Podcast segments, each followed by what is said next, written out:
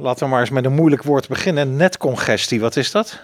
Ja, dat is in feite file op het elektriciteitsnet dat er te veel vraag is en soms te veel aanbod is uh, op hetzelfde moment. En je ziet wel dat als mensen thuiskomen, dat dan van allerlei apparaten aangaan.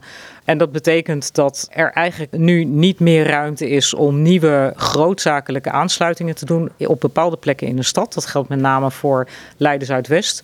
Maar het kan ook voor andere gebieden in de stad gaan gelden. Die staan nu op oranje. dat betekent dat er een wachtlijst is als je een grootzakelijke aansluiting wil. Bioscience Park geloof ik hè?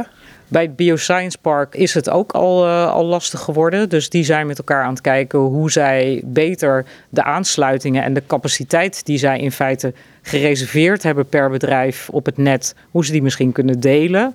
Hoe je andere oplossingen kunt vinden daar. Dus daar zijn we mee bezig.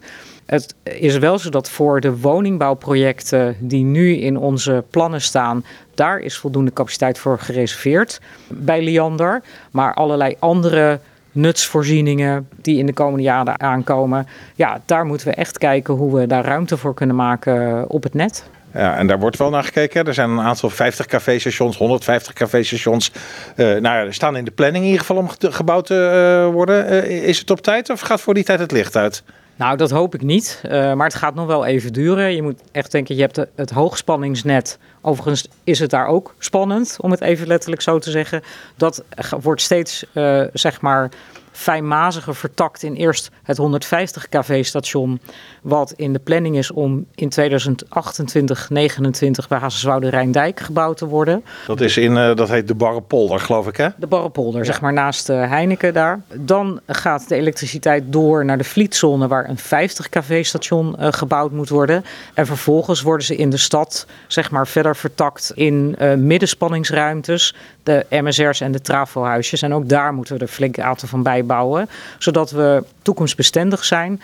Uh, want er wordt natuurlijk steeds meer geëlektrificeerd. Als je denkt aan zonnepanelen, maar ook uh, laadpalen, de auto's. Onze hele digitale samenleving draait steeds meer op elektriciteit in plaats van op papier. Als je even daaraan denkt. Ja, en dat is zo snel gegaan dat het net, eigenlijk de verzwaring van het net, dat niet heeft bij kunnen houden. Dus we moeten daar echt een inhaalslag in maken.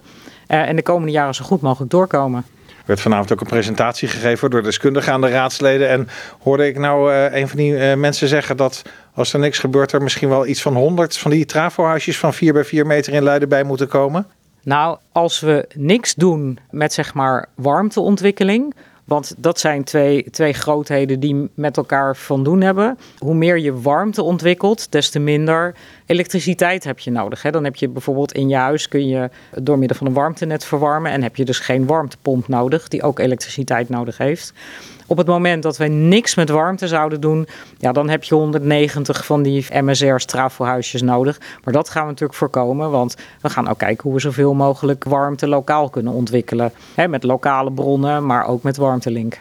Hoe gaat het nou verder? Want uh, dit is natuurlijk ook steeds landelijk in het nieuws. Van de week was er iets, een, een, bedrijf heeft een rechtszaak gewonnen om voorrang te krijgen. Die heeft aansluiting afgedwongen. Ja, dat kan dan hier nu ook gaan gebeuren. Ja, dat zou kunnen. In principe heeft Liander natuurlijk een aansluitplicht. Maar ja, het moet wel kunnen. Ik bedoel, als top is, is top. Zo simpel is het ook. Maar ik begrijp wel dat als jij een nieuw bedrijf hebt en je bent er helemaal klaar voor en je hebt naar jouw idee op tijd aangevraagd, dat je dan alles in het werk stelt om het voor elkaar te krijgen. Zo zullen we in de komende periode nog wel meer van zien. Het werd een beetje gezien als voordringen als een rechter een bedrijf die dan toevallig wel zo'n zaak aanspant gelijk geeft. Ja, zo, zo zou je dat kunnen zien. En daarom proberen we in Leiden juist om te kijken hoe we aan de voorkant al na kunnen denken hoe je bijvoorbeeld contracten zou kunnen delen. Stel dat jij een aansluiting hebt waarin er uh, zeg maar veel meer capaciteit uh, geleverd kan worden dan dat jij zelf nodig hebt, dan zou je met jouw buurbedrijf zou je kunnen besluiten om dat gezamenlijk te delen. Dat mag ook al. Daar zijn nu groepscontracten voor beschikbaar en daar moet Lianne natuurlijk ook akkoord op geven. Maar